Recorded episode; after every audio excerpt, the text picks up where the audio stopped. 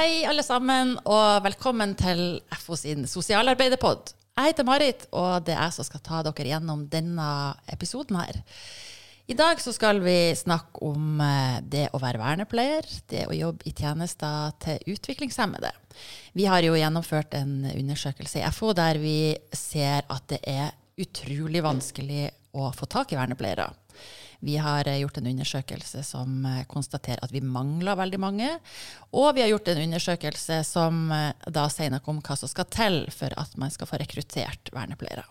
Så det vi hadde tenkt til i dag, det var å snakke med to flotte vernepleiere som jobber i Bærum kommune, og ta en prat med dem litt om hvordan er det å jobbe i disse tjenestene. Hva er det slags utfordringer man får der? Og ja, skal rett og slett prate litt om det å jobbe i tjenester til utviklingshemmede. Så i dag så har jeg altså med meg to vernepleiere.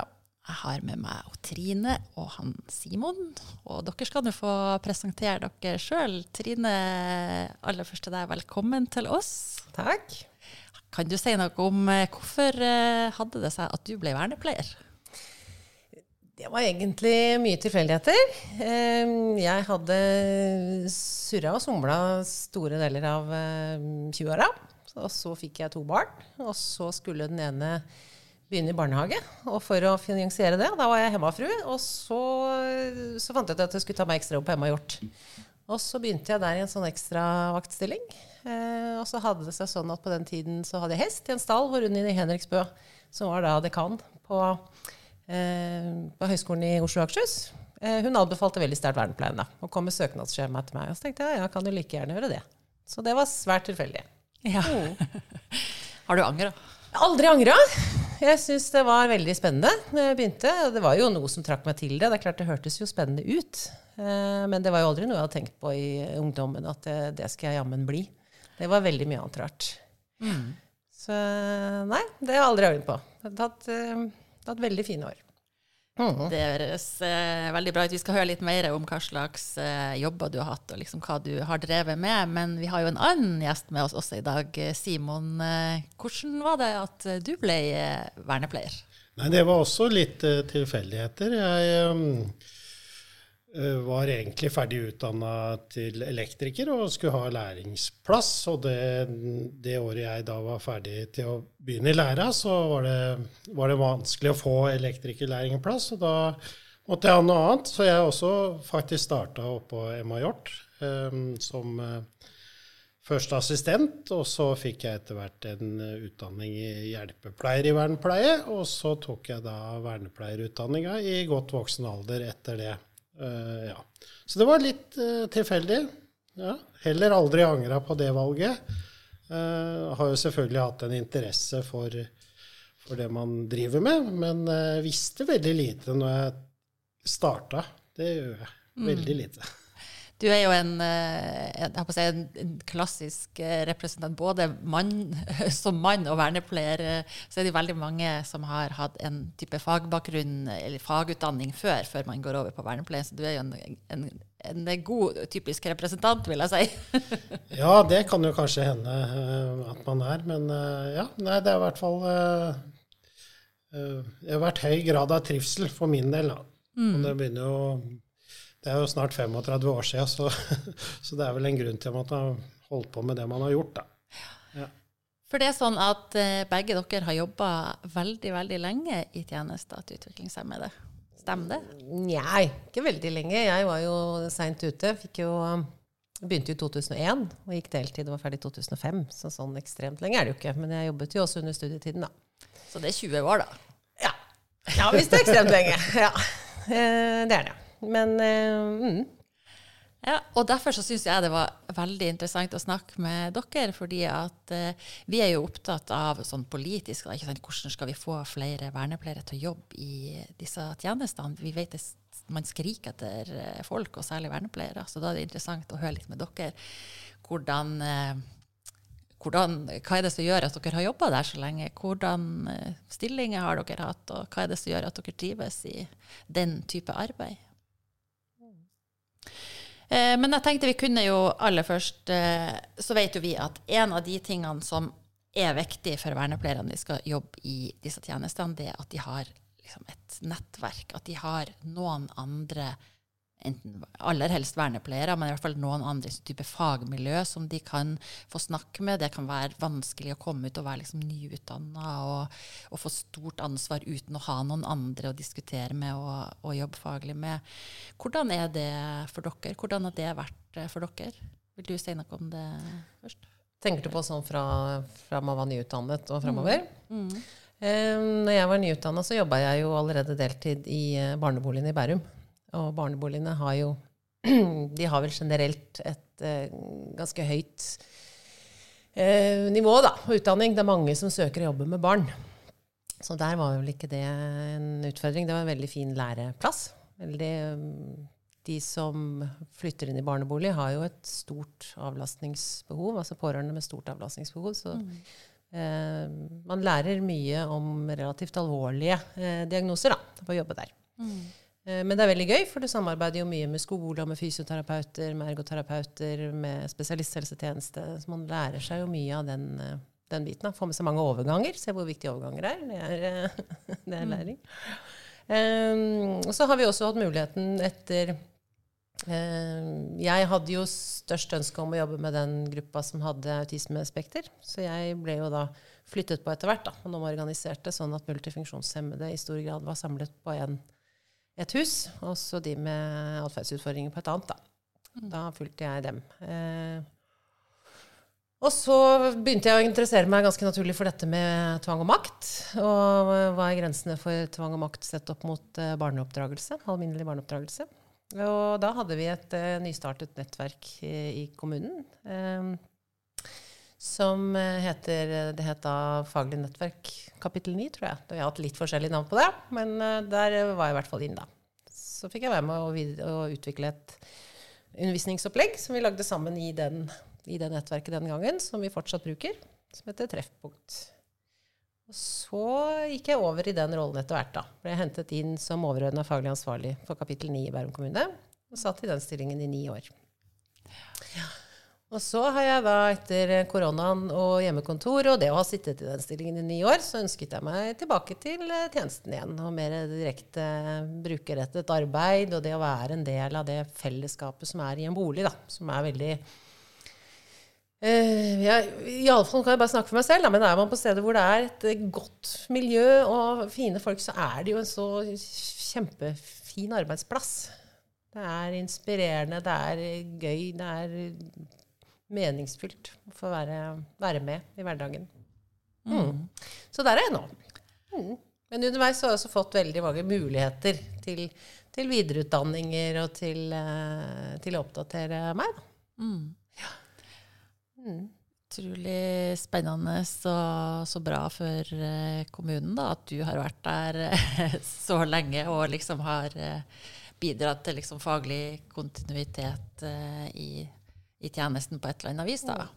Ja, og det har jo vært kjempefint for meg å få vært der òg. Altså, jeg har jo fått lært veldig mye. Og fått veldig mange erfaringer jeg ikke ville fått uten. da. Mm. Og nå kan jeg jo bruke de inn igjen i mer Så jeg har jo en ganske stor erfaring sånn eh, teoretisk, kan du si, da, på, på hvordan man løser ulike utfordringer. da. For jeg har jo lest veldig mange vedtak opp igjennom. Vi har jo en, jeg har jo en stor kommune med mange også kapittel 9-vedtak. da. Mm. Så at jeg har satt meg inn i veldig mange saker. Og da har jeg jo den erfaringen å høste litt fra også nå, da. Mm. mm. Det trenger man jo alltid å ha noen som har litt ekstra erfaring på det. Mm. Men uh, Simon, hvordan uh, liksom, har veien uh, din vært i kommunen, skulle jeg til å si? Ja, jeg starta på Majort, som sagt, da, og var assistent og fikk etter hvert noe før da var det jo mye vikariater, som det gikk i den gangen. Og så fikk etter hvert noe fast, og så tilbud om å ta hjelpepleier i vernepleie, og gjorde det. Og ikke tok noen etterutdanninger derfra i ja, psykiatri og veiledning og litt forskjellig. Og så uh, fikk jeg en stilling, eller tilbud om en stilling som var tiltenkt da, for treårig helse- og sosialfaglig utdanna. Og da ble det naturlig for meg å velge vernepleieren eh, videre, da. Så da tok jeg det deltid desentralisert til eh, Kongsvinger. Eh, og hadde en veldig fin studietid der. Trivdes godt med det og jobba fullt ved siden av det jeg kunne, da.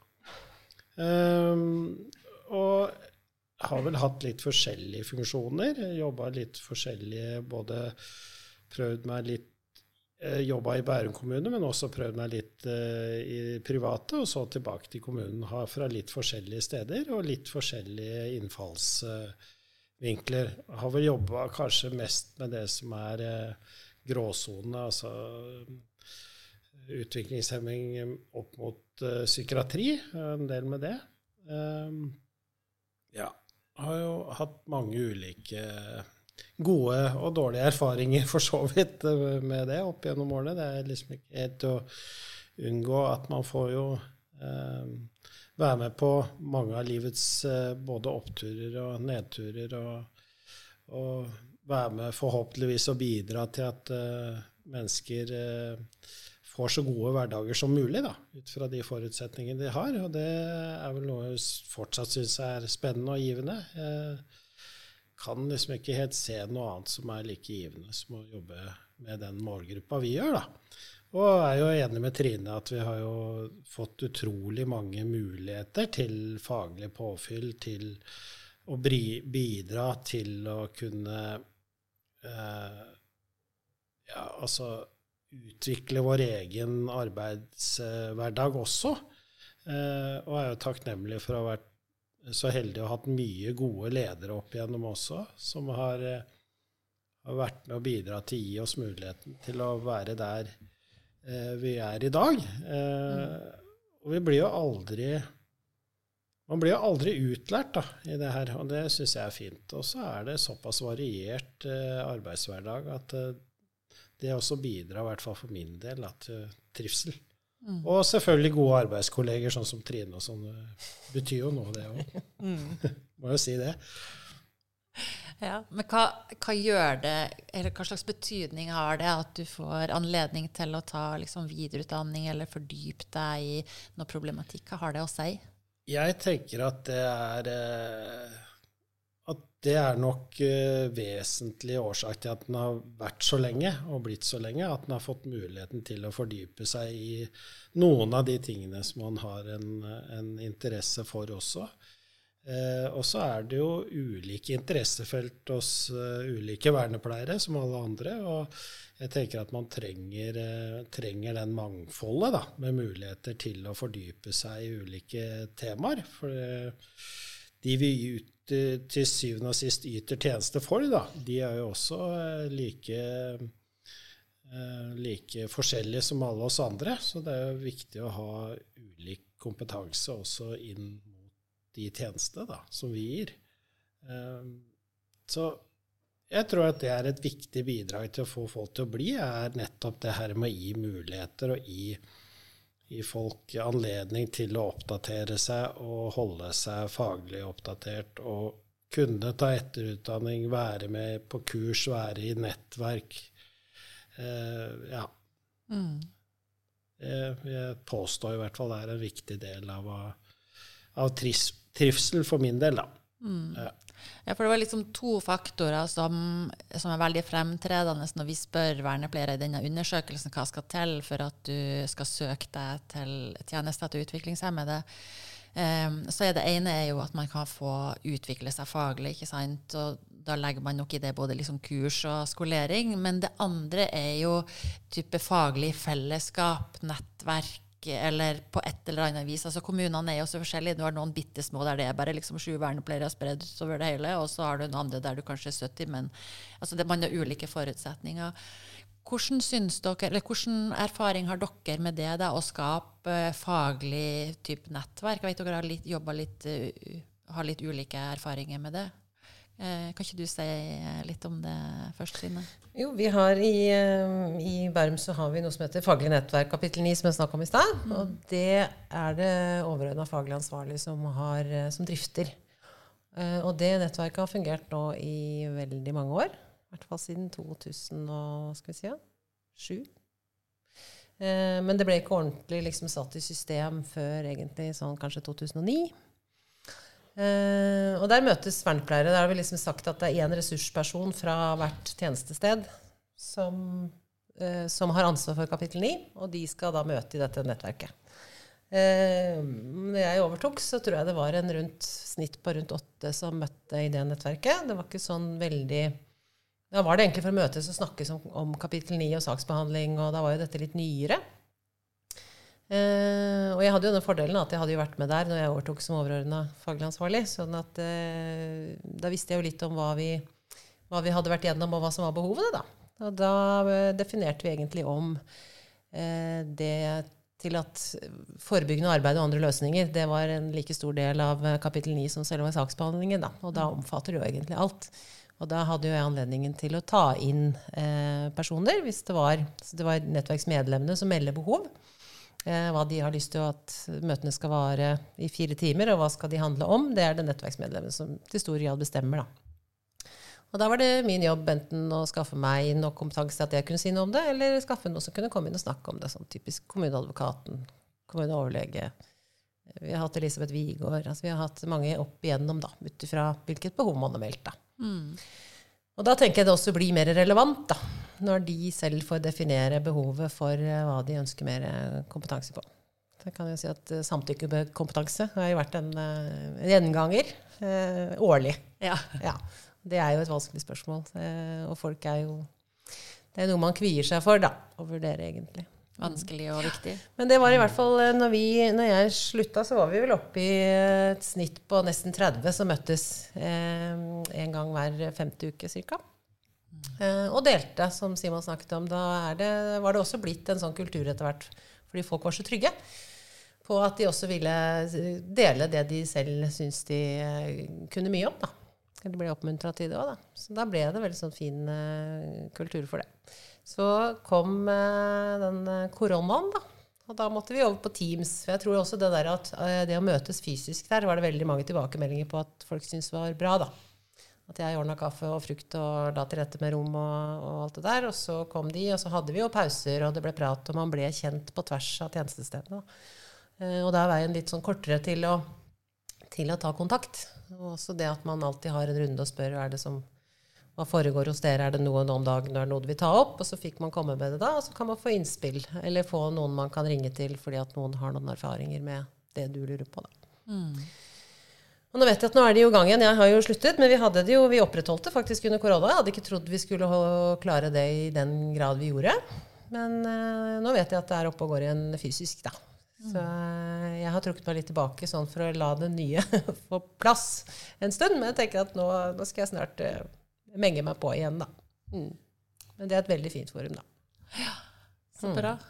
Men eh, Simon, du har jo også litt erfaring med det, og, eller har i hvert fall mange ja, både erfaring, men også tanker om hvorfor, hvorfor er dette viktig. og ja, nei, Det å ha nettverket, eller ulike nettverk rundt seg, tenker jeg er er alltid Det er jo en god arena for å, å, å finne gode løsninger da, og, og, hjelpe hverandre videre. For det er jo en del av disse spørsmålene som vi kommer opp i som vernepleiere, som er ganske vanskelig, både etiske og litt juridiske. Og det er å være fremme og, og klare å gjennomføre føringer og se betydningen av hva, hva er som fremmes, og hvordan skal vi forholde oss til det. Så det å ha nettverk rundt seg, om det så er lokalt, som jeg kanskje har hatt mest med å gjøre, eh, eller om det er vært da ut mer, mer sentralt i kommunen, eller om det har vært da tverrfaglig nettverk også utenfor kommunen. Det er,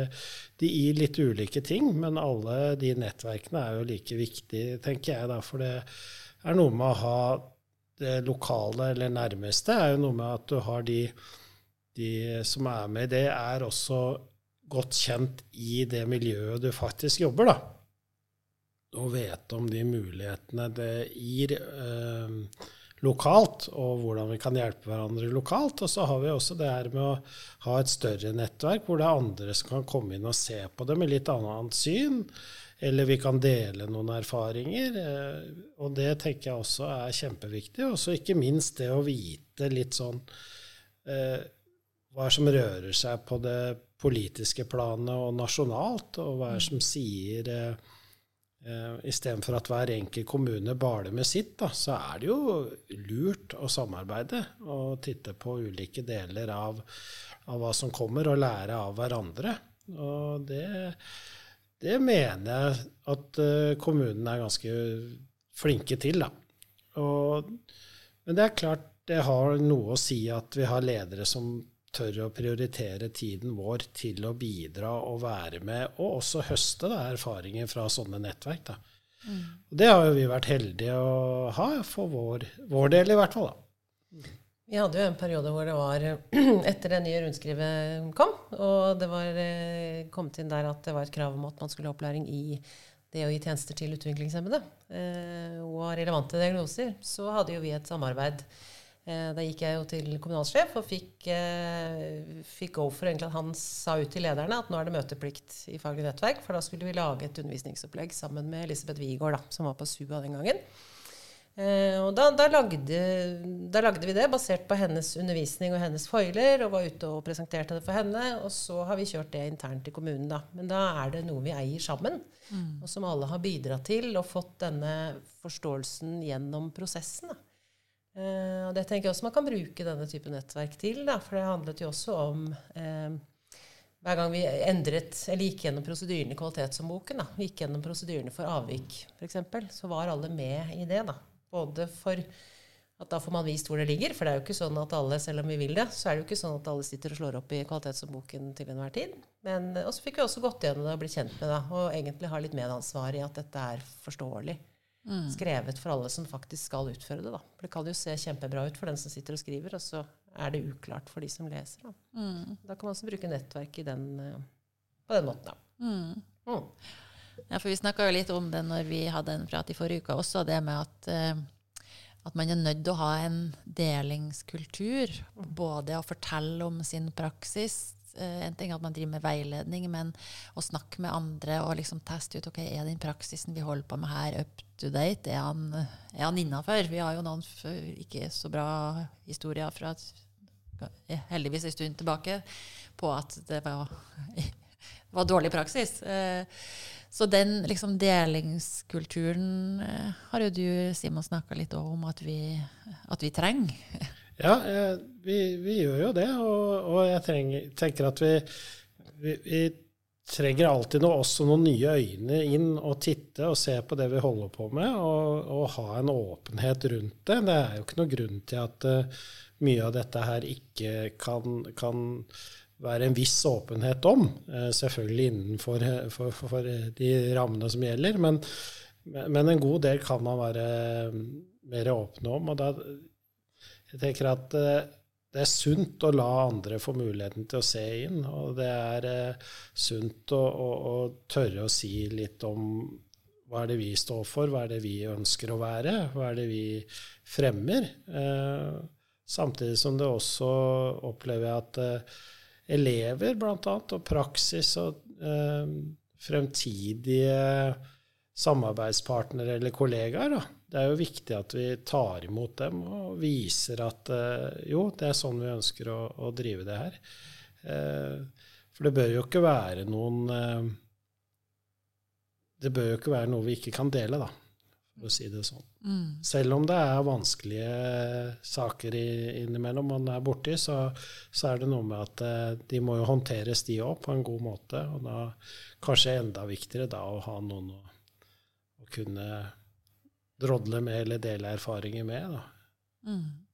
Eller vise til eventuelle tanker eller løsninger, eller uh, sjekke ut er vi der vi burde være, ikke minst. Det har jo vi Vi har jo uh, vi kan jo ikke si at vi har suget alt av eget bryst, vi heller. ikke sant? Altså, vi, vi, vi, er jo ute der og sjekker litt hva som uh, rører seg, og så prøver vi å koble oss på der vi tenker at uh, her har vi noe vi kan benytte oss av, vi også, og, og dra erfaringer fra. Og, og, innarbeide det hos oss. Mm. Um, implementering av uh, lover og regler og forskrifter, og det er jo mye mm. å forholde seg til. Det er jo høyaktuelt med den nye veilederen om gode helse- og omsorgstjenester til personer med utviklingshemming. Mm. Eh, vi har jo veldig masse vi kan eh, prate om, men vi skal jo komme litt videre om ikke så veldig lenge avslutt. Men én ting som jeg har lyst til mm, å snakke med, eller høre litt fra dere om, det er jo det med samarbeid med pårørende. Det er jo eh, utrolig viktig. Både for eh, tjenestemottakerne å være sikker på at liksom, pårørende er med. De er kanskje foreldre, de, har, de, bryr seg, de har viktige stemmer. Samtidig så vet vi at det også kan være litt krevende. Det kan være noen historier og liksom selve det, det arbeidet kan både være utfordrende, men er samtidig så veldig, veldig viktig. Trine, kan du si litt om hvordan, hva du tenker om dette? Uh, ja, vi hadde for, uh, for, noen år siden, jeg husker ikke helt når det var ferdig, så hadde vi noe som het Brobyggerprosjektet i Bærum kommune. Og der undersøkte man uh, litt hvordan også pårørende hadde det i forbindelse med flytting. Overgangen barn-voksen. og der kom det fram at det var et behov for pårørende, bl.a. det å møtes. og så ble jeg satt til å, å ha, starte opp noe opplegg for disse. Eh, og da hadde de også sagt litt om hva de ønsket at, eh, at disse møtepunktene skulle handle om. Eh, og da hadde vi en i nettverket som hadde vært på et kurs på habiliteringen i Drammen. Hvor en fantastisk dame som heter Borghild Martine Lyng jobber. Og hun holder kurs der for pårørende og ansatte sammen. Eh, og basert på de erfaringene de hadde fått der, da, så inviterte vi eh, Martine til Bærum. Hun sa jo ja med en gang. Eh, og da inviterte vi henne til å komme to ganger. Og den første gangen inviterte vi alle pårørende. Og gikk ut gjennom alle interesseorganisasjoner og boliger, og vi fylte faktisk den eh, store salen i Kunnskapssenteret med pårørende. Og da hadde Martine da en forelesning på jeg tror det var tre eller fire timer for dem om, om dette med å være pårørende. Eh, og så gjorde vi det samme for de ansatte. Da kom Martin tilbake igjen, og da hadde vi invitert alle i miljøarbeidstjenesten til å komme og høre den samme forelesningen. Nettopp for å skape denne litt samme forståelsen da, av hva er det egentlig de pårørende også har vært igjennom før vi treffer dem, kanskje, da, i en bolig. Mm. Eh, og hvorfor reagerer de som de gjør noen ganger. For det er klart at noen ganger er det utfordrende. Eh, og da handler det kanskje om å, at vi må være litt mer nysgjerrig da, på hvorfor, hvorfor det, hvorfor har vi kommet hit nå? Hva er det du egentlig er redd for? Jeg tror det ofte handler om utrygghet. Og i den rollen jeg hadde før, da, som overordna faglig ansvarlig, så, så, så jeg jo eh, Jeg så jo mange steder hvor dette hadde skåret seg litt. Eh, og man ser hvor utrolig mye energi det brukes eh, fra alle kanter når man kommer i en sånn konflikt. Når man eh, opplever kanskje at ja, at samarbeidet er gått i stå, at um, man føler at de pårørende bare ser etter feil. Og de pårørende ser kanskje også det som er feil, fordi de blir engstelige og får bekrefta sin engstelse gjennom det. Da. Og det stjeler mye. Og den tiden kunne vi heller brukt på å gi gode tjenester til, eh, til brukeren, tenker jeg da. Mm. Var det en god investering å satse på den kurset og den skoleringa, ja, syns du?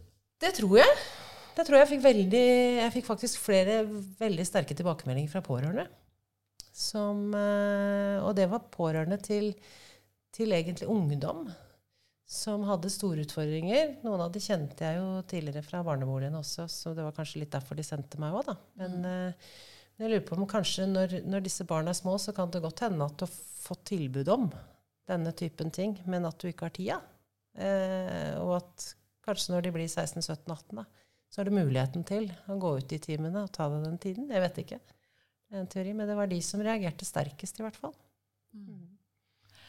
Det er jo klart at eh, pårørendearbeid og liksom bruker-medvirkningsperspektivet er jo liksom både viktige prinsipp og rettigheter man har. Og, og det med å jeg vet ikke, kjent til hvilke rettigheter er det personer med utviklingshemming har, hvilke politiske føringer er det nå. Det kommer stadig vekk ting. Senest i dag har det vært høring på den nye stortingsmeldinga om rettigheter til personer med utviklingshemming. Hvor lett er det egentlig å være oppdatert da, som vernepleier ute, som skal være de som uh, gjør dette i praksis? Ja, det er vel ganske Det er en krevende øvelse. Det er jo det. Uh, man er jo prisgitt å få både tid og muligheten til å orientere seg i det. Og noe av det landskapet er jo ganske vanskelig å orientere seg i òg. Det, det, kan være vanskelig språk, det kan være ukjente begreper. Det er mye, og det er mange, mange tolkninger som må inn også i forhold til lovtekst. Eh, så det er jo utfordrende, vil jeg påstå. Men en ser vel det at eh, som vernepleier, i hvert fall er min opplevelse av det, er at man stadig må kunne mer og mer om hva som regulerer, hva som ligger som føringer, hva som er eh, ment, hva er det som egentlig står der. Eh, hva har det å si for oss som da jobber på gulvet eller skal utføre disse oppgavene? Vi, vi trenger tid til å få på plass det, eh, for det er, det er, det er krevende. Eh, og jeg tror kanskje man er veldig avhengig av den lederen man har. At, man i, at, det gis rom og tid til å sette seg inn i dette, og ikke bare, ikke bare som en eh, eh, kan du si, Ikke bare som en utskrift eller som en, en, link til et eller annet lovverk, men at man faktisk får tid til å sette seg ned og lese litt, og dele også med andre og undres med andre hva, hvordan står det til her hos oss. Eh, og det, det, det, det, ser jo ut som at det blir mer og mer eh, vernepleiers oppgaver rundt omkring å være orientert for det. For vi blir jo også talerøre for mange av de brukerne vi jobber for. Å være deres talerør ut og si litt eh, Hør nå her, dette behovet her, eller de føringene her, eller sånn ser det ut for den gruppa vi jobber for. Eh, og det å hjelpe til å tolke også eh, hva som står. Nå er det noen lettleste versjoner av ting, eh, men selv en lettlest versjon kan være ganske tunglest, for å si det sånn, for enkelte i vår vi jobber for. da. Sånn at jeg er jo redd for at hvis man ikke ser på det eh, som en sånn helhet, så blir avstanden mellom det som faktisk står i lovtekst, og det som skal utføres, da, kan, bli, eh, kan bli litt mye fyndord og mye fjonge ord i, i, i, det som kommer, men som kanskje ikke kommer ut i, i arbeidshverdagen. Da. Og til syvende og sist de vi, vi er satt til å ivareta på best mulig måte. Eh, ja. Der er vi jo veldig glad for den nye veilederen. Mm. Der har det jo blitt uh, lista opp veldig mye av dette, da. Så det har jo hjulpet oss uh, til noen klargjøringer enklere. Ja.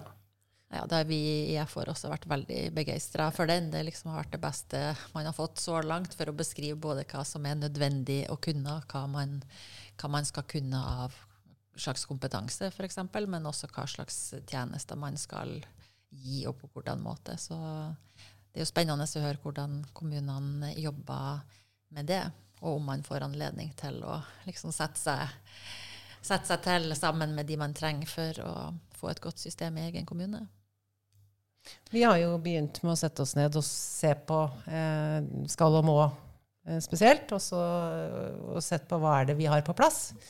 Og det, hvordan kan vi benytte oss av det som allerede finnes i kommunen? Og hvordan, vi, hvordan skal vi skaffe det vi ikke har? Da? Hvordan skal vi implementere? Så det har eh, eh, vært en ganske morsom eh, oppgave. Ja, vi har fått gått gjennom det. Ja. Mm. Men det er, det er, mye. Det er det absolutt. Og det, det går jo gjennom det, det, utfordrer jo oss rent faglig også, som vernepleiere. at uh, Hvordan står det til her? Og, og det å kunne si noe om det også er jo viktig. Og, og det er jo til syvende og sist så er vi nødt til å fremme det også oppover med de som, som sitter på andre, andre, annen kompetanse enn det kanskje vi har. Og, og det blir jo spennende å se hvordan det faktisk da til slutt faller ut for den det gjelder, da, som skal motta disse tjenestene. Mm. Eh, for det er jo ikke alltid sånn at det er så samsvar i de tolkningene på de føringene som gis, da, blant en uh, vernepleier på, på, som jobber i en avdeling, kanskje, og de som sitter og styrer pengene i den andre enden. Det er ikke nødvendigvis uh, lik tolkning der, det er vel vår erfaring. Eh, men noe må man jo håpe man kan eh, i hvert fall nærme seg noe mer hverandre, da. Mm.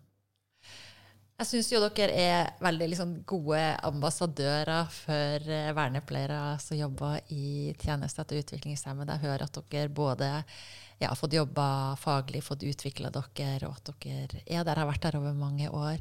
Hva, er det noe dere har lyst til å si til vernepleiere som lurer på skulle vi ha søkt på en jobb i tjenester til utviklingshemmede, eller hva vil du skal få si noe begge to. Hva vil du si aller først? Jeg tenker at det er absolutt bare å kjøre på. Det er veldig Det å jobbe i bolig er veldig givende. Det er en meningsfull jobb. Det er en faglig, til tider utfordrende jobb. Eh, man får brukt eh, hele seg. Eh, og det er jo sånn at vi, er jo ikke Vi er jo litt sjeldne blomster, så vi føler oss jo også ganske nyttige. nei, så jeg tror du kan gjøre egentlig så mye ut av det som du vil òg. Altså selvfølgelig har du noen krav da, i bånn til hva du skal gjøre, men, men, man har også en ganske stor frihet når det gjelder kreativitet. til å finne, altså Hvordan skal vi nå målet, hvordan skal vi tenke? Hvordan skal jeg få med meg denne personalgruppa hvis man ikke er enig? Eh, samtidig som man skal være lydhør og akseptere og anerkjenne andres kompetanse. Da, både erfaring og kompetanse. Det er kjempefint. Det er eh, Jeg har ikke angret. Jeg var jo ett år nå i, i en bolig før jeg gikk over den jobben som jeg er i nå. Vi skal være med å starte opp en helt ny bolig. Men jeg syns det var kjempedeilig. Det var, jeg gleda meg til å gå på jobb. Kunne gå hjem og legge meg om kvelden og være fornøyd. Og kjenne at det var helt riktig valg, da. Mm. Mm. Så bra. Simon, hva vil du si til de som har lyst å vurdere å søke seg jobb i tjenester til utviklingshemmede? Det er jo det er veldig variert, da. Og det er jo, vi var jo litt inne på det, at uh, man kan jo også være med å skape noe uh, selv. Og det er jo i hvert fall sånn i en større kommune at uh, hvis du er engasjert for noe, noe særlig, kan du si, så, så, så, er det ofte man får muligheten til det hvis man rekker opp hånda, for å si det sånn. Og det er jo noe jeg opplever at vernepleiere er gode til, å rekke opp hånda og ta ansvar og ville bidra.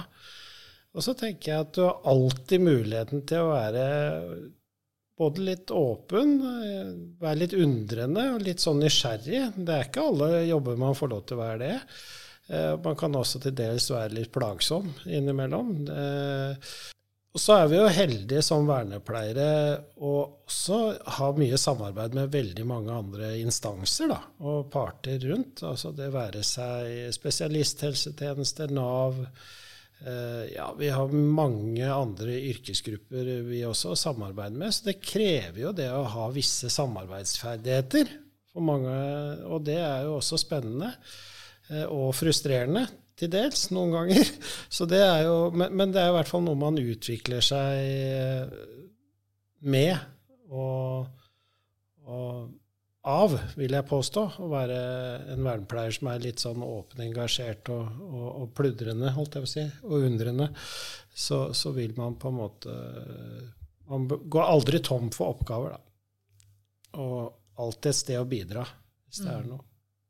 Så er det jo, som vi har snakket om, det er jo også et uh, privilegium å få lov å være så nært på uh, personer uh, gjennom tid, da, som disse brukerne som vi jobber med. Og bli kjent med så, så mange forskjellige folk med sine styrker og sine svakheter, og få lov å være med og tilrettelegge for at dagene, og for så vidt åra, skal bli bra. Mm.